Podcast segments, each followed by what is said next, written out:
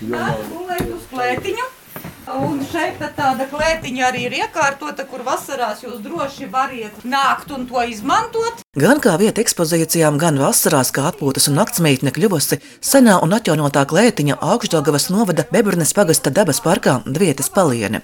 Šobrīd klētiņa, kā izrāda Bebrnes pagasta pārvaldes vadītā un ilgadējā te izvietotā informācijas centra gulbju brīvprātīgā darbinieca Benita Štrausa, pārpilna ar apkaimē rasto un arī ar izzudošo sēļu kultūras mantojumu. Šeit ir sēlies meitas pūrs savākts ar sanie un mūsdienu šīs puses augstzemes rokdarbi, gan to, ko sviež laukā, nenovērtējot gan to, ko arī mēs paši vēl uzcakojam un mākam izdarīt. Jo Bebrenē vēl ir gan audējas, gan adītājas, gan pokamatnieki, gan podnieki. Un kaut ko viņi vēl var izdarīt, bet to amatu, diemžēl, neviens nepārņem. Pašreiz ir izstāde cimdu, šīs apkārtnes raksti, senu senie, jo visas šīs kundzītes, kas te ir savus dzīparus adījušas, nu jau ir viņa saulē. Bet šie cimdi vēl joprojām turpina stāstīt, turpina sildīt. Viens no lielākajiem lepnumiem katrā novadā ir tautas tērpi. Sēļiem šis lepnums īpašs, un viens no tiem ir sieviešu villainas un jo īpaši brunči. Tādi ar lāsumiņiem ir tikai sēlijā. Vietējās audējas ārietas grubertes pēc vēsturiskiem autentiskiem materiāliem jaunradīto tērpu rāda Benita Štrausa. Atveidots no tā, kas ir bijis senās laikos, un villainas izcakotas Mums ir audēja, kurai atrod kožu sāstu, villaini vai bruņķu stērbeli vai ierauga kaut kur arhīvos materiālos. Kādi Bebrenes pusē bijuši šie bruņķi, bet viņa arī viņus atveidot spēja. Un, nu, jā, kundzei 80 gadi, bet šo visu viņa vēl ir saudusi. Ir bruņķa audekli. Mūsu puses ir apmēram astoņi bijuši Bebrenē dažādi bet visraksturīgākais augšzemē ir šis ar baltajiem lāsumiem. Bet ar lāsumiņiem, nu, laikam pļavā, tā kā ienāk ūdens, viņš tā lāsumo un tā vizuļo jebkurā gada laikā. Tad laikam tur viņas arī noskatījušas. Vēl viena lieta, ar ko lepojas Bebrinē, ir tepat apkaimē tapusī kāda bruņas pērļotā Māras motu josta. Kura ir vienīgā tāda Latvijā matu pīnas josta, Jo kāpēc? Tāpēc, ka kalda bruņa tajā laikā, kad šīs jostas meitas nāsāja, bija bebrenes pagastā un ilūgstes apriņķi. Un tas ir 5 km no šejienes, un tas tā kā piestāv mums arī. Sēļu kultūras mantojuma ekspozīcija papildina arī šodienas mākslinieku radītie darbi, kuros atspoguļojas sēļu tautas stērpa motīvi.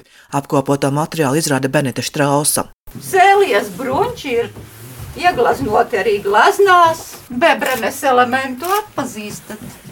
Tad tā bija Jaunjēlgavas mākslinieku glazmu izstāde. Un kur nu vēl tā piepildītā lielā lāde ar vietējo apkaimē savākto darinājumu klāstu. Un te jau arī ir vecā lāde pilna ar to, ko metam laukā. Un katrai viņai ir tāda zīmīte, no kuras mājas nācis, ko, kas to ir darinājis šo visu. Un tas arī saglabāsies, es ceru. Bet mani mazliet satrauc tas, ka manam darbam nav turpinātāju. Bet, nu, labi. Taču vēsture paliek, un te šajā klētiņā var mierīgi pārlapot un pie sevis izrunāt pašas Benedešas Strausas veidoto grāmatiņu ar sēļu vārdiem, tiem, kas dzirdēti un apkopoti tuvākajā apkaimē. Divās mājās ir šādi vārdi lietoti senie.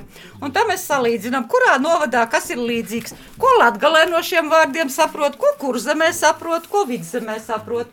Tās ir tikai divas mājvietas. Viena ir manējā, sanā, kur mani vecāki un vecvecāki šādi ir runājuši, un otra ir vēl vienas eh, Diņģeļa kalnā Pūdānu kundzes, kura vēl joprojām tā runā. Šogad piektais godolaiks atbūda, atgojuši, Pavisam negaidietā laikā zīme, klotlāts, sasaļs. Tā jau latgalīšu valoda. Jā, jā, un tūlīt teiks, a ļapšakus pazīst. Ak, ļapšakus jūs neaitam, es ceļējam ļapšakus un kāžļukus. Līdzība, ja vārdu izrunā latgaliešu valoda, ir smējas Benitam, bet sēļi nav latgaļi. Te parādās savs šī novada raksturs un vārdu krājums. Kāžļuki jums arī aug, nu ļapšuki jums arī aug, tik jūs nezināt, kurš tas ir. Kas ir ļapšuki? Ļapšuki ir pār paraugušas bārzu bekas. Saglabāt ceļu senču tradīcijas un kultūras vērtības Bebrnes pagasta vietas senlais informācijas centram Gulbi ir viens no galvenajiem uzdevumiem, uzsver šī centra sirds un dvēsele Benita Štrausa, aicinot izbaudīt te gan gardos sēļu ēdienus, gan mierīgās pastaigas un unikālajā vietas palienē un uzklausīt arī intriģējošo stāstījumu par bebrnes dzīvnieku bebru un to, kāpēc tieši vietas apkārtne varētu būt par pirmo cilvēku apdzīvoto vietu Latvijas teritorijā. Silvijas Smagare, Latvijas radio studijā Latgalē no Sēlijas.